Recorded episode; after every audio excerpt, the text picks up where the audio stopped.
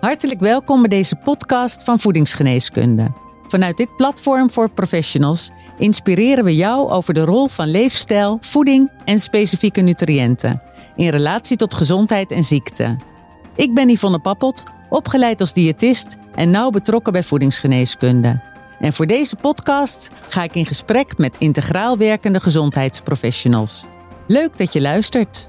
Deze vierde podcast presenteren we in samenwerking met Nutramin. En dit keer pakken we het thema de zin en onzin van detox op. Aan tafel zitten Jeroen de Haas en Eveline van der Wel. We zien dat detoxen populair is, zeker in het voorjaar. Vasten is een vorm van detox en vindt zijn oorsprong in verschillende oude geneeswijzen. Maar wat weten we vandaag de dag als we kijken naar vasten? De lever en de darmen spelen een belangrijke rol. En vooral het microbioom. We kijken naar de metabole endotoxemie als onderdeel van een therapieplan. Maar we gaan het ook hebben over specifieke nutriënten natuurlijk, die een rol kunnen spelen. Detox in de praktijk. Een mooi onderwerp om over door te praten met twee therapeuten. Evelien en Jeroen, heel hartelijk welkom eh, hier in de Podcast Garden in Utrecht. Leuk dat jullie er zijn. Willen jullie de luisteraar iets meer over jullie zelf vertellen? Jeroen. Ja, zeker. Nou, ik ben dus uh, Jeroen de Haas. Ik ben ortomoleculair therapeut en ik heb mijn praktijk in Haarlem. Uh, daarnaast ben ik ook nog uh, lid van de uh, member, heet dat, van de Medical Board van Biobotanical Research. Een hele mond vol. Maar daar doen we onderzoek naar vooral de rol van planten, van, van ehm, fytotherapeutica, op het microbioom. En dat is fascinerend. daarnaast geef ik ook nog vrij veel lezingen en nascholingen. Dankjewel. Evelien, kun jij iets meer over jezelf vertellen? Natuurlijk. Ik ben Evelien van der Wel. Ik ben ortomoleculair therapeut ook. Ik heb een praktijk in Eindhoven. Uh, ik heb hiervoor geneeskunde gestudeerd. Zes jaar, dus een doctoraal. Ik ben geen arts dus. Uh, maar met die kennis uh, kan je veel meer begrijpen nog weer van het lichaam. Ik ben in deze hoek gerold vanwege de ziekte van een kind. En dat bleek zeer complex te zijn. Ehm, op dit moment hou ik me vooral bezig met uh, ortomoleculair en vooral uh, darm, microbioom inderdaad. Plus met genetica. En dat vind ik fascinerend, want daar zie ik heel veel uh, ja, problemen waar men tegenaan loopt. Met onder andere detox. Dat dat wel eens door een genetische aanleg zou kunnen komen. En dan weet je veel beter hoe je dat kunt aanpakken. Dank jullie wel. Nou, mooie basis denk ik uh, om door te gaan op het thema detox. Uh, en zoals gezegd, vasten is daar uh, een voorbeeld van. Uh, de definitie van vasten is het geheel of gedeeltelijk onthouden van eten en drinken. En voor een bepaalde periode dan. Hè. En al in de vijfde eeuw adviseerde Hippocrates te vasten bij specifieke ziektesymptomen. En het is natuurlijk ook onderdeel van diverse religies, weten we. Maar ja, ook in deze tijd waarin we leven in een omgeving met heel veel toxische stoffen. Ja, ik denk aan uh, fijnstof en uh, microplastics en pesticiden, et cetera, et cetera. Kan vast onderdeel zijn van, uh, van een therapie. jij noemde het ook al even. Ja, als je traditioneel vast, volgens de natuurgeneeskunde, dan, dan eet je niet, dan drink je alleen dranken zonder calorieën dan. Maar er zijn veel andere vormen ook van ontgiften of detoxen. Sapvasten, maar ook intermittent vasten, 5-2 vasten en et cetera.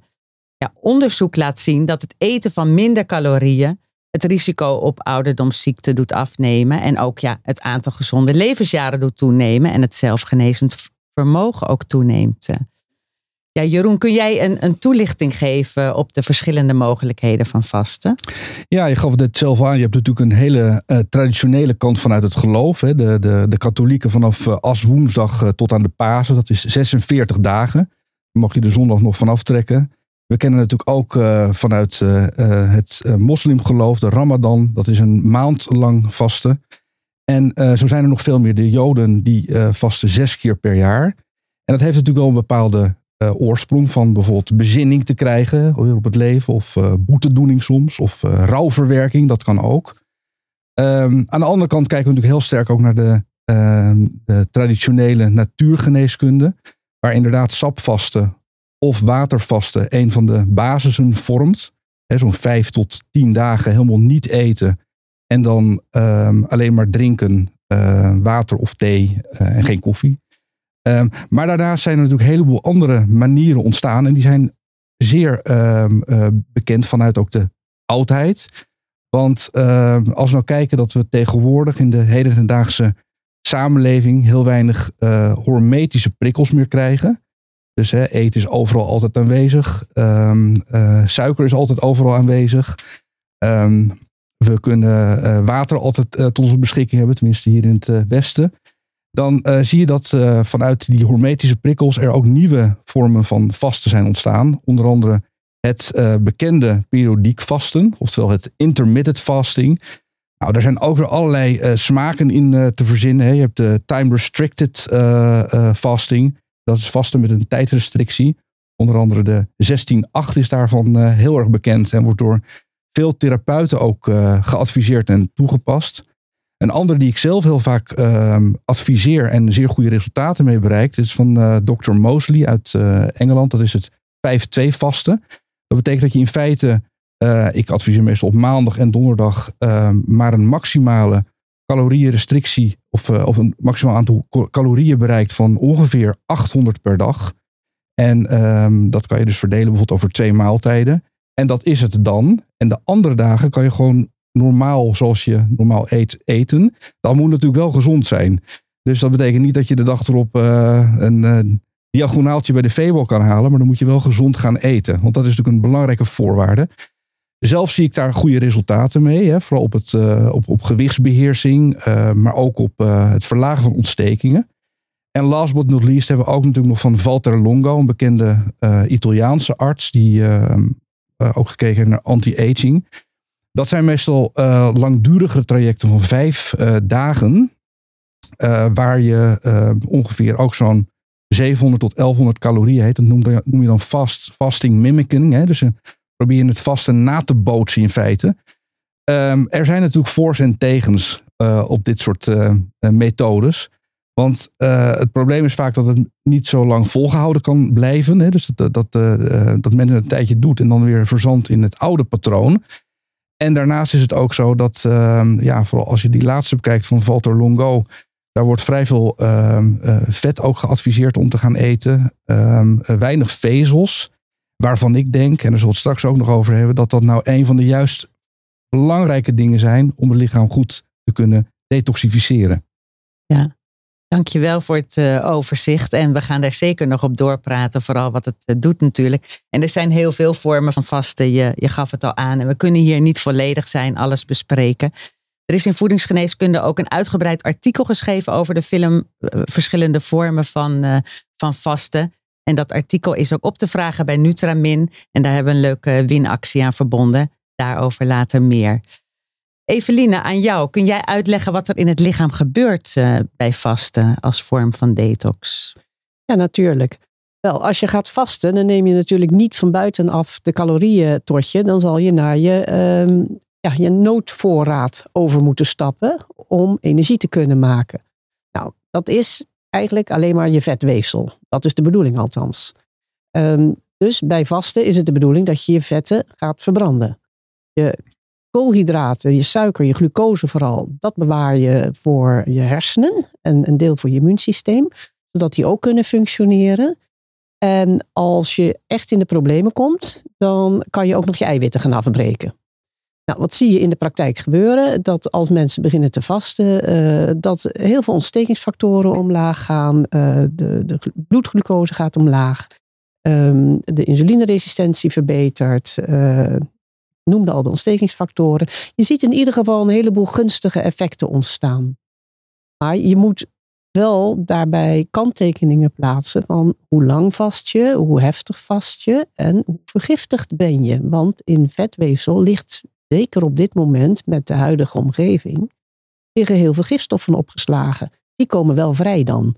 Dat moet je wel kunnen oplossen duidelijk verhaal. Heb jij daar nog iets op aan te vullen? Nee, heel duidelijk. En daarbij komt ook nog dat uh, het uiteindelijk onderzoeken of het nou wel of niet werkt ook lastig is, omdat mensen zich niet aan houden. Hè? Dat bekende onderzoek van Hanno Peil bijvoorbeeld, bij uh, mensen die bijvoorbeeld een chemokuur moeten ondergaan en 24 uur van tevoren gaan vasten en 24 uur na de chemokuur ook moeten gaan vasten. Daar is wel heel duidelijk uit gebleken dat dat bijvoorbeeld rode bloedcellen verhoogt en minder DNA-schade geeft aan de witte bloedcellen, hè, de lymfocyten. Ehm, alleen dat onderzoek hebben ze geprobeerd langer door te trekken. En met een grotere groepen. En dan blijkt toch dat het, dat het moeilijk is om om voor mensen met, met bijvoorbeeld borstkanker, om dat, om dat vol te houden. Dus dat onderzoek is eigenlijk nog niet goed afgerond. Nee, ja, compliance is altijd wel een, een lastig ding, zeg maar. Ja. Kun jij nog iets zeggen over de rol van de darmen en het microbioom?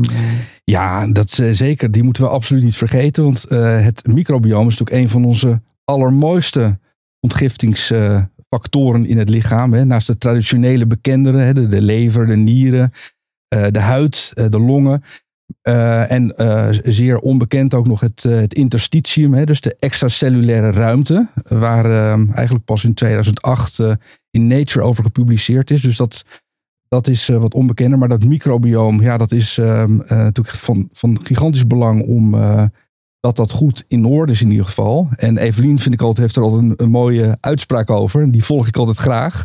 Ik geef hem graag aan jou. Ja, nou, de uitspraak, uh, wat ik veel mensen vertel, is dat een goed microbioom beter ontgift dan je hele lever. Maar een slecht microbi microbioom zorgt voor meer gifstoffen dan een hele lever aan kan. Dus het is cruciaal om eerst maar eens te investeren in een goed microbioom. Dus voordat mensen gaan vasten, zou ik daar eerder op in gaan zetten. Dus nog een paar uh, ja, andere ingrepen doen, voordat dat vasten goed kan gaan verlopen. Ja. Dat om allerlei zware Herxheimer-reacties en andere onaangenamigheden te vermijden. Ja, en hoe we dat microbioom op orde krijgen, daar kunnen we natuurlijk ook nog uh, verder op doorgaan. Heel graag zelfs, want dat is denk ik uh, het start- en vertrekpunt uh, van een goede detox. Denk het ook. Ja, en dat interstitium, kun je daar nog iets uh, meer over zeggen? Ja, zeker. Dat, uh, dat is eigenlijk dus wat ik al zei, dat is de extracellulaire ruimte. Dat is onderdeel van het lymfatisch stelsel. Nou, daar worden vanuit de traditie ook, vanuit die echte traditionele natuurgeneeskunde, werd ook gezegd, hè, het lichaam is opgebouwd als één geheel. En dat verbindt zich uiteindelijk met bindweefsel, wat er dan tussen rond zwemt, hè, die extracellulaire ruimte. Daar wordt vooral uh, gifstoffen worden daarin uh, naar buiten toegebracht. Nou, dus heel goed dat die dat dat gedeelte ook goed wordt, uh, wordt ondersteund en um, um, wordt, uh, wordt gedetoxed in feite. wat dan weer traditioneel zo is, dat je dan uh, zegt dat men moet gaan ontslakken of bijvoorbeeld dan echt gaan ontgiften. Daar vind je natuurlijk in, de, in PubMed bijvoorbeeld of in de traditionele literatuur vind je er weinig over terug. wat je de laatste tijd veel meer ziet, is de rol dus van het, ja, het microbioom en dan vooral endotoxemie. En die endotoxemie, wil je daar nog iets meer over zeggen? Heel graag zelfs, heel graag zelfs. Ja, kijk, eigenlijk wordt die uh, endotoxemie, dat betekent in feite dat, uh, dat in de darmen kennen we uh, gram-negatieve bacteriën. Die hebben een LPS-laag, lipopolysaccharide-laag. En wat die, ehm, als die te veel gaan overgroeien in de darmen, en voornamelijk als oorzaak suiker en vet, dat is eigenlijk de allerbelangrijkste oorzaken waarom dat gaat vergroten in het lichaam, dan krijg je dat die LPS-bacteriën toxische stofjes gaan afgeven. En als je dan ook nog eh, niet gezegend bent met een, eh, een met een lekkende darm, hè, dus dat het, uh, in feite is dat een slechte term, eigenlijk een hyperpermeabele darm, dan, ja, dan gaan die endotoxische stoffen gaan, de, de bloedbaan in en die zorgen daarvoor een, een ontstekingsreactie uiteindelijk. Hè. Dan, geeft het, dan komt er een immuunrespons op. Dat is natuurlijk uh, geen goede zaak. En dat kan een oorzaak zijn van allerlei uh, ziekten die er zeker in de westerse wereld aanwezig zijn. Ja, en hoe, hoe we dat microbioom en die darm goed op orde krijgen, gaan we straks verder op in. Misschien goed om nog even die lever ook op te pakken. Wil jij daar nog iets over, over delen? Ja, natuurlijk. Ja, graag. Um, in principe kan bijna elke cel ontgiften. Ja, hebben ze de mogelijkheid voor, behalve je rode bloedcellen, want die hebben daar gewoon, ja, die hebben geen DNA meer bij zich, dus die, uh, die zijn wat dat betreft gemankeerd. Sommige cellen zijn gespecialiseerd in ontgiften. Nou, en dat is onder andere de lever, maar ook de nier. Nou, die kunnen dat heel erg, die hebben dat als taak. Um, bij de ontgifting in de lever, die, die krijgt alles wat uit die darm wordt opgenomen, krijgt die langs zich om onschuldig te maken in ieder geval te zorgen dat dat niet als gifstof in de circulatie blijft en vervolgens het hart en de hersenen kunnen belasten en de rest van het lichaam natuurlijk. Nou, die LPS die worden onder andere daar weggevangen. Maar je hoopt natuurlijk dat het überhaupt niet in de bloedbaan komt. Nou, die lever die ontgift in een aantal fases. Fase 1, fase 2. En binnen de natuurgeneeskunde wordt daar ook zwaar de nadruk op gelegd dat fase 1 niet te snel mag zijn en de fase 2 te langzaam. Wordt van alles uh, over geschreven, dan kan je met kruiden beïnvloeden en zo. Maar wat ik uh, met mijn genetische onderzoeken heel vaak zie, ik zie nooit dat de fase 1 te snel is, hooguit een beetje traag, of, of een bepaalde echt traag, maar nooit te snel. Maar wat ik wel heel vaak zie, is dat in de fase 2, dat daar allemaal problemen zijn. Bij de fase 2 moet je denken aan de glucuronidatie, dat mensen dat niet goed kunnen, of de acetylatie, dat is een hele slechte glutathion detox uh, hebben, omdat een glutathion, trans, ja, glutathiontransferases niet goed werken, of zelfs niet aanwezig zijn. in ieder geval dat je ziet van daar zit een probleem. Dus als die gaan ontgiften en opeens komen er heel veel gifstoffen vrij, dan zie je dat die lever dat gewoon niet trekt die kan niet goed van de fase 1 naar de fase 2 het definitief onschadelijk maken. Nou, en ik denk dat dat ook een hele goede is om in je achterhoofd te houden. En dat het de reden is waarom bepaalde mensen ook zo naar kunnen reageren als ze gaan detoxen. Vooral omdat wij nu veel meer gifstoffen bij ons hebben dan in de oude tijden. Waarin men regelmatig ging uh, ontgiften en vasten, et cetera. Die hadden geen herbiciden, geen pesticiden, geen vliegtuigen, geen verkeer en nog een heleboel andere dingen. Ook al niet.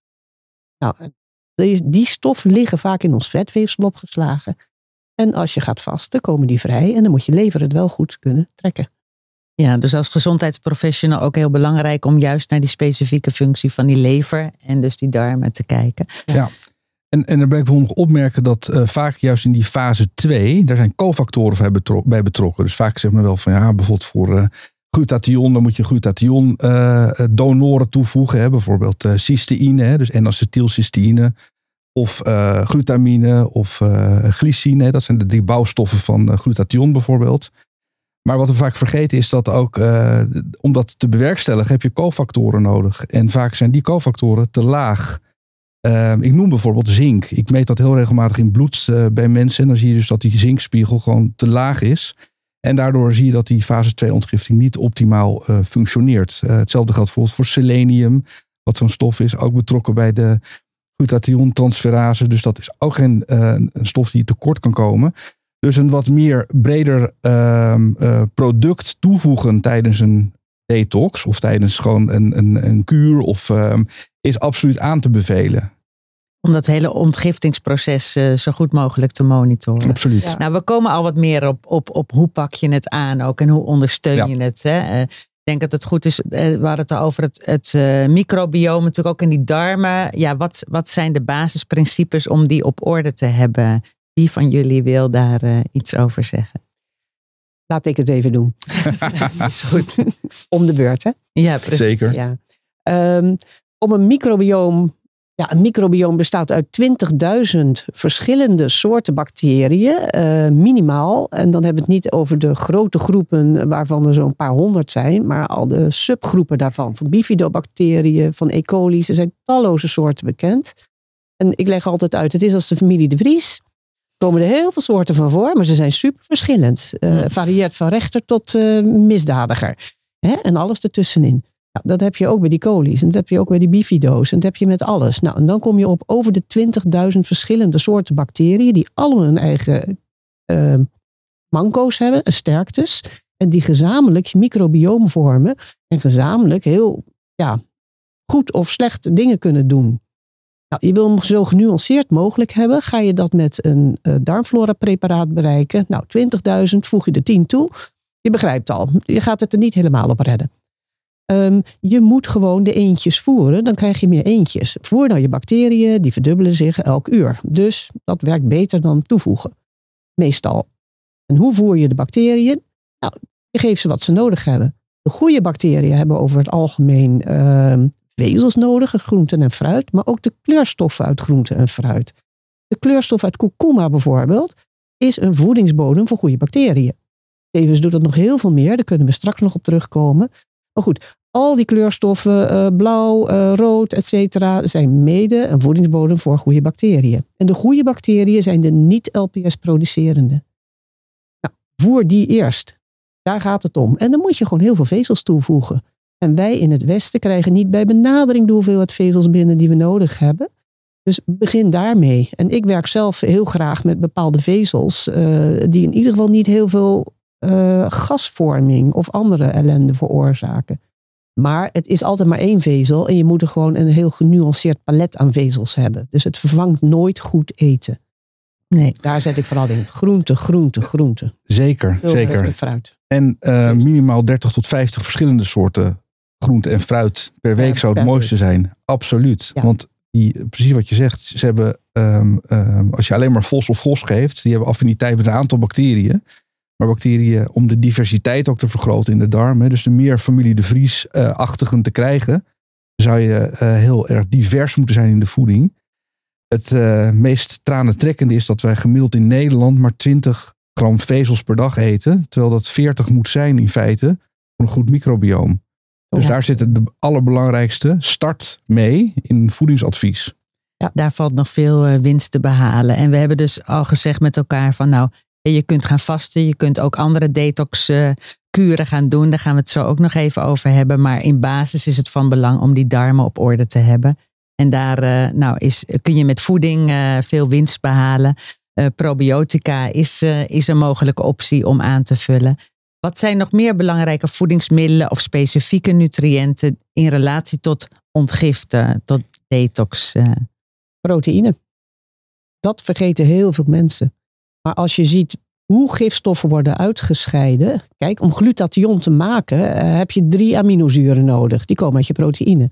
Maar je hebt er veel meer nodig. Je hebt taurine om uit te scheiden, glycine. Uh, je hebt gewoon heel veel soorten proteïne nodig. Plus alle enzymen die je bouwt als fase 2 detox dat zijn eiwitten. Die hebben ook een cofactoren nodig, dus je moet al die mineralen erbij hebben. Nou, dan zie je ook dat mensen met hun um, slechte eetpatroon daar niet genoeg van binnen krijgen. Maar het is vooral proteïne. En wat ik tegenwoordig veel tegenkom, ik laat mensen altijd een voedseldagboek invullen van een paar dagen, dat ik enigszins de indruk krijg wat ze eten, hoeveel mensen heel weinig proteïne aan het eten zijn. Dat heeft te maken met vegetarisme, maar vooral met veganisme, eh, waar mensen mee beginnen zonder goed door te hebben wat het inhoudt en wat ze nodig hebben. Ik zie echt extreme uh, dingen. Mensen die 10 gram proteïne per dag binnenkrijgen. Bizar. Ja, en dan zie je ook de, de tekorten juist aan die taurine. Omdat die niet uh, te krijgen is uit uh, in feite een, een plantaardige bron. Nee, wij kunnen het wel zelf maken, taurine. Als wij uh, met de hele SAM-E-cyclus, uh, dan krijg je homocysteïne. Nou, homocysteïne uh, kan met een enzym worden omgezet in onder andere taurine. Echter, wij kunnen 50% van onze eigen behoeften daaraan op die manier dekken, mits we goed gevoed zijn. En de andere 50 zal toch echt uit andere bron moeten komen. En bij veganisten zie je dat niet gebeuren. En bij veel vegetariërs ook niet. Ja.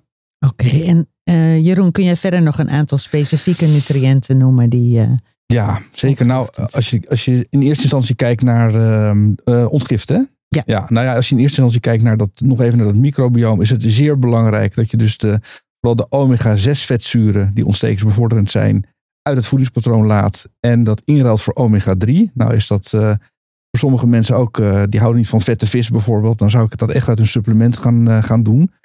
Um, daarvan is ook aangetoond als, um, ook in onderzoek, dat als mensen dat gaan doen, dus minder van dat soort verkeerde vetten eten en de goede vetten inruilen daarvoor, dat, uh, dat die endotoxische druk ook gaat dalen.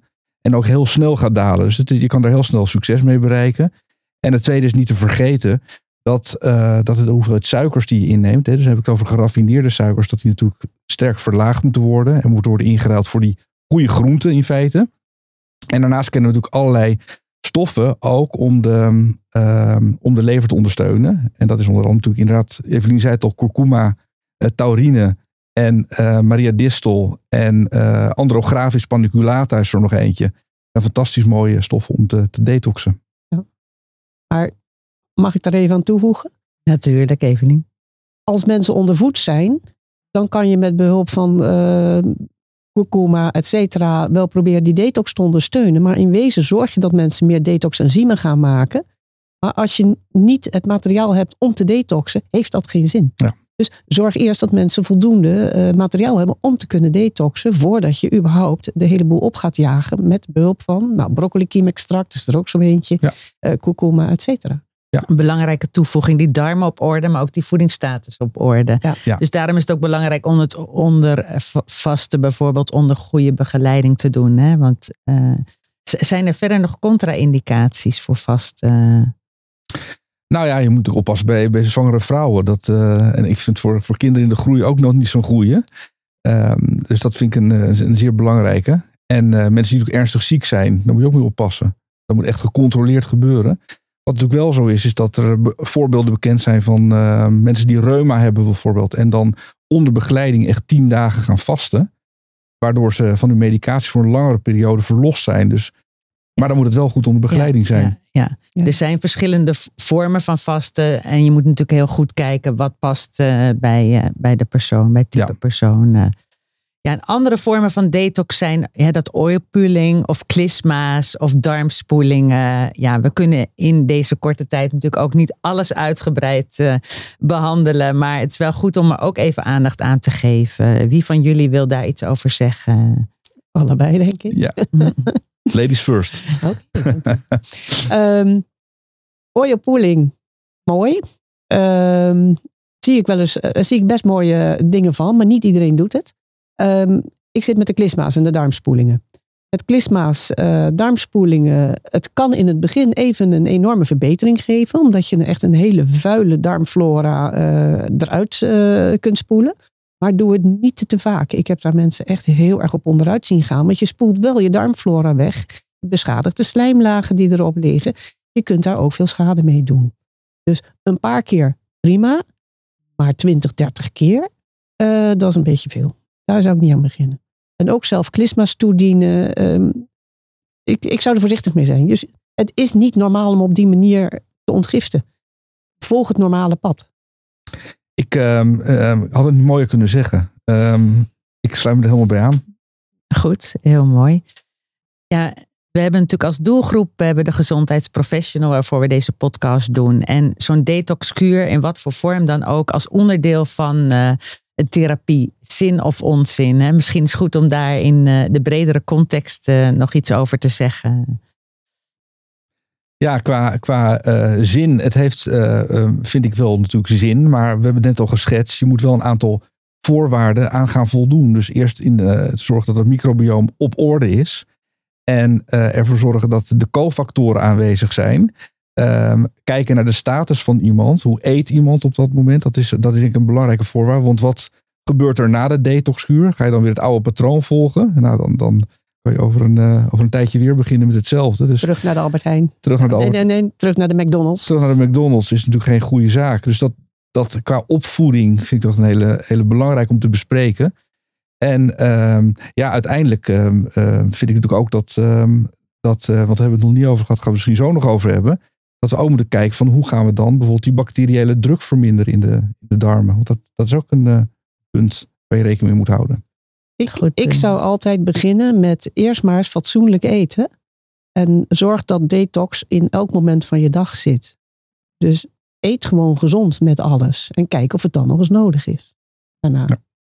Ja. Belangrijk punt. Jij wilde nog iets zeggen over die bacteriële druk. Nou ja, kijk, er zijn natuurlijk wel, eh, en, en zo pas ik het in mijn eigen praktijk toe, ehm, ehm, eh, ook diverse producten. Want je krijgt die endotoxische druk niet vaak zomaar weg. Hè. Dat is, eh, daar moet je wel wat voor gaan, gaan inzetten, vind ik. Hè. Ook, ook in, in de vorm van een therapie, dus een kuur, niet te lang. Maar ik denk dan heel sterk aan bijvoorbeeld een, ehm, ja, een, een, een samenstel van een aantal kruiden, oftewel fytotherapeutica. Waar onder andere heel belangrijk in is, is bijvoorbeeld oregano, die dat kan doen. Eh, die heeft absoluut affiniteit met die LPS-bacteriën. dat is onder andere de, de Canadese geelwortel, hè, de Dihydrosis canadensis. Ehm, ehm, eh, wordt vaak, ehm, daar zit gewoon berberine in. En berberine is toch zo'n fantastisch mooi eh, product. Het zit in de Canadese geelwortel. En eh, laten we ook niet vergeten de Echinacea bijvoorbeeld. Die eh, ehm, eh, daar een, een belangrijk deel op de, ehm, eh, in ieder geval de, eh, de weerstand verhoogt. Dat is nog zo'n belangrijke. Dus dat zijn wel potentiële stoffen om in ieder geval die endotoxische druk te verminderen. En daar zal ik in een therapie altijd ook mee, mee starten. Ik zet vooral kurkuma dan in. Ja. Kurkuma is ook fantastisch. Kurkuma is bewezen dat die voor upregulatie van een bepaald enzym zorgt op de darmoppervlak, die de LPS afbreekt. Nou, dat wil je graag hebben. Daarnaast is het een sterke antioxidant en uh, het uh, nou, uh, immuunremmend. plus is het ook nog voeding voor goede bacteriën. Dus ik vind kurkuma daar een wondermiddel in. En dan wil ik vooral de kurkuma hebben die niet wordt opgelost. Die niet makkelijk wordt opgenomen, maar vooral in die darm blijft. Dus zonder piperine, zonder liposoom, helemaal niks. Gewoon kurkuma. Duidelijk, dankjewel. We zijn nog wel één heel belangrijk ding vergeten. En dat is? In dat hele. Nou, dat, dat, dat is het mondmicrobioom. Want eigenlijk begint het daar al. En uh, als je daar al stoffen hebt die toxische stoffen afgeven. Ja, dan, uh, dan kan je beginnen met de darmen. Maar eigenlijk moet je daar beginnen. Dus dat betekent uh, goed tanden poetsen. Ehm, met een elektrische tandenborstel naar de mondhygiënist te gaan. En ook ervoor zorgen dat, dat bijvoorbeeld een, een appel kauwen. Daar is ook al van aangetoond dat dat die vervelende nare bacteriën bijvoorbeeld al kan remmen. Dus dat, dat, dat soort stoffen. Wil je daar wat op inzetten, dan is bijvoorbeeld, ik heb het al genoemd, oregano is een stof. En ook zeker oleuropeïne uit uh, olijfbladextract. Die ervoor kan zorgen dat de, de mondmicrobioom meer in evenwicht komt. Ja, ja, zo hebben we lang niet alles besproken. Want ook het mentale stuk natuurlijk. Het heeft natuurlijk enorme impact als je gaat ontgiften. En als je echt serieus een, uh, een vaste kuur gaat doen, uh, hè, dan gebeurt er ook natuurlijk heel veel op het uh, mentale vlak. Goed om daar ook nog even iets over te zeggen door een van jullie. Ja, ik weet als je gaat vasten, je, je gaat natuurlijk aan vaste patronen ga je morrelen. Dat kan veel weerstand geven. kan veel verdrieten opkomen. Ehm, maar je hebt ook de gifstoffen. Als je die niet goed ontgiften kan, dat kan het zenuwstelsel ook behoorlijk beïnvloeden. Dan vind ik een mentaal aspect, uh, dat moet je zeker in de gaten houden. moet je niet positief duiden. En daarnaast heb je, als je heel veel stress hebt, dan ga je niet naar je vetverbranding, dan blijf je in je suikerverbranding hangen, je, je melkzuurverbranding. En dan ga je als compensatie, om extra glucose te kunnen krijgen, ga je eiwitten afbreken en dan ga je spieren afbreken. Dus je moet wel vasten met verstand en inderdaad in rust. Zodat je je vetweefsel aanspreekt, maar je spieren vooral spaart. En met goede begeleiding. Dus. Zeker. En vooral dat, dat, dat rust vind ik een heel belangrijk aspect ervan. Omdat we natuurlijk in de snelheid van de hedendaagse samenleving daar eigenlijk niet zo meer aan toekomen. We zitten erg in de, in de uh, sympathicus, hè, continu. Dus continu in de fight, flight en de freeze uh, reacties. Dus ja, om nou eens een tijdje te herbezinnen en eens even terug in je hol te trekken, letterlijk. En uh, wat minder te eten en wat meer aan jezelf te werken, is natuurlijk een hele goede zaak, ook mentaal, hè, om, je, om je parasympathische kant te ontwikkelen, om, uh, om je gezonder te blijven voelen. Ja, maar toch zie ik daar ook in het DNA weer hele mooie uh, aanwijzingen of mensen dat wel kunnen. Sommige mensen kunnen dat zo slecht, die kunnen zo vreselijk slecht hun stresshormonen afbreken, dat ehm, ik het geen goede zaak vind om langdurig te vasten. Want dan ga je toch in een stresssysteem. Je lichaam gaat gewoon meer adrenaline, cortisol aanmaken om dat aan te kunnen. En die kunnen er niet afbreken. Dus die komen helemaal die parasympathicus niet meer. En mensen die erg ongevoelig zijn voor serotonine, uh, die hebben ook die neiging. Die worden er helemaal niet vrolijk van. Dus je ziet soms uh, genetisch dingetjes dat je denkt van ja, dat is een probleem goed op maat adviseren is belangrijk. Hebben jullie tot slot nog een praktische tip voor de luisteraar? Ja, er zijn al heel veel praktische, praktische tips uh, gegeven. Ja, nou ja, dat is, dat is, oh, dat is het allerbelangrijkste. Zoek, zoek een goede therapeut, dat is, dat is één. En, uh, iemand die, uh, vind ik, um, een goede opleiding heeft gehad. van de, en, en aangesloten is bij een goede beroepsvereniging. Ik vind de MBOG daar natuurlijk een goede beroepsvereniging van. Daar ben ik voorzitter van geweest. En dat is een, eh, een mooie uh, partij. Hebben mensen een vierjarige HBO-opleiding minimaal. Dus um, um, daar zou ik heel sterk naar kijken. Heel goed. Een therapeut of een arts of een andere gezondheidsprofessional. Ja. En uh, nog eens. Als je aan zoiets begint, zorg dat je verstand van zaken hebt. Want ik zie mensen echt de meest vreemde dingen gaan doen, omdat ze nul verstand hebben. Beginnen een of ander podcastje of YouTube-filmpje te lezen of te horen. En denken het allemaal te weten. En die komen zwaar bedrogen uit. En dan wil ik me klem weer wijzen op mensen die veganistisch gaan uh, werken. Natuurlijk zie je daar fantastische uh, topsporters die veganistisch eten met hele prijzenkast. Maar ik wil altijd de kast ernaast zien waar de supplementen in staan. En daar heeft men het meestal niet over. Dus zorg dat je echt goed weet wat je aan het doen bent. Ik neem weer als voorbeeld uh, die eiwitten, dat ik mensen zie met bizar weinig eiwitinname en die daar echt heel beroerd van zijn. Mega opknappen als ze dat ja, vaak verdubbelen. En dan zitten ze nog niet eens op de ondergrens van wat de WHO aanraadt per dag. Een goede anamnese met een voedingsdagboek uh, is een uh, mooie basis en geeft veel informatie waarop je uiteindelijk je advies kunt ad samenstellen. Ja, en ik zou DNA-onderzoek ook erbij doen om te kijken of mensen echt goed kunnen ontgiften. En nou ja, dan ben ik helemaal voor iGene, omdat die gewoon het allerbreedste palet biedt met de meeste diepgang en heel goed heel veel aspecten bekeken. En anoniem. Dat is een hele belangrijke. Want ik kom mensen tegen waarvan je denkt, je hebt een eigen bedrijf, er komt veel gifstoffen in aanraking. Dit moet jouw verzekering niet weten. Jeroen, je hebt nog een aanvulling. Eh. Nou ja, um, uh, eens dat je dat moet, uh, moet nakijken. En ik ben natuurlijk altijd ook een voorstander als we het over onderzoek hebben. Om eens een goede, goede doorzaag van het microbioom te bekijken. Wat, wat speelt zich daar dan af? Als vertrekpunt van een, van een therapie. Ja, onderzoek. Nou, Jeroen en Evelien, eh, heel hartelijk dank voor dit eh, boeiende gesprek. Eh, in de praktijk en uit onderzoek worden dus gunstige effecten gezien met de verschillende vormen van vasten. En die hebben we, hebben we behandeld. Dus dat is veelbelovend. ja, onderzoek bij mensen is lastig. Dat blijkt in de praktijk. Ook compliance is, is vaak laag. Maar ja, het biedt mogelijkheden. Dat geven jullie ook aan vanuit jullie eigen praktijkervaring. Nou, het heeft uh, of als vorm van detox heeft een grote impact. Dat hebben we ook besproken. Het is ook niet voor iedereen geschikt en er is professionele begeleiding nodig. Ja, als jullie als luisteraars hebben natuurlijk ook de keuze als, als professional om ja, detox in wat voor vorm ook onderdeel te laten zijn van je behandeling ja, heb je zelf geen ervaring ermee, maar wil je er meer over weten? Ga in gesprek met mensen die daar ervaring mee hebben. Laat je goed informeren en ja, lees ook, ook goede betrouwbare informatie. we hebben een aantal interessante artikelen voorhanden. En Charlotte Thewe van Nutramin zal daar nog iets meer over delen.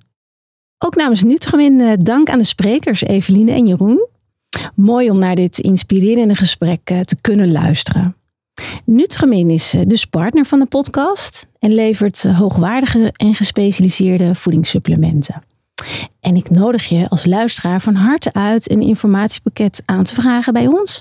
Dat kan via de website www.nutramin.nl. Dit pakket bevat alle informatie over de genoemde producten als Bacterie Balance met de Echinacea, de curcumine, de olijfblad, Livercare en uh, Oregano XL. Hier kun je je natuurlijk ook inschrijven voor de nieuwsbrief, zodat je op de hoogte wordt gehouden van alle innovaties. Of als je wilt samenwerken met Nutramin als therapeut. Leuk om nog te weten is dat wij onder de professionals die een informatiepakket aan gaan vragen, uh, een uh, toepasselijk product verloten bij dit onderwerp. En dat is de Livercare. Bedankt voor het luisteren en graag tot een volgende keer. De show notes vind je op de social media kanalen van Voedingsgeneeskunde en op de website www.voedingsgeneeskunde.nl. Daar informeren we je ook over de nieuwe onderwerpen van de podcasts. De informatie in deze podcast is met de grootst mogelijke zorgvuldigheid samengesteld voor gezondheidsprofessionals. De uitgever aanvaardt geen aansprakelijkheid voor eventuele schade ten gevolge van het gebruik van de informatie in deze podcast. De geboden informatie kan niet worden beschouwd als vervanging van een consult of een behandeling.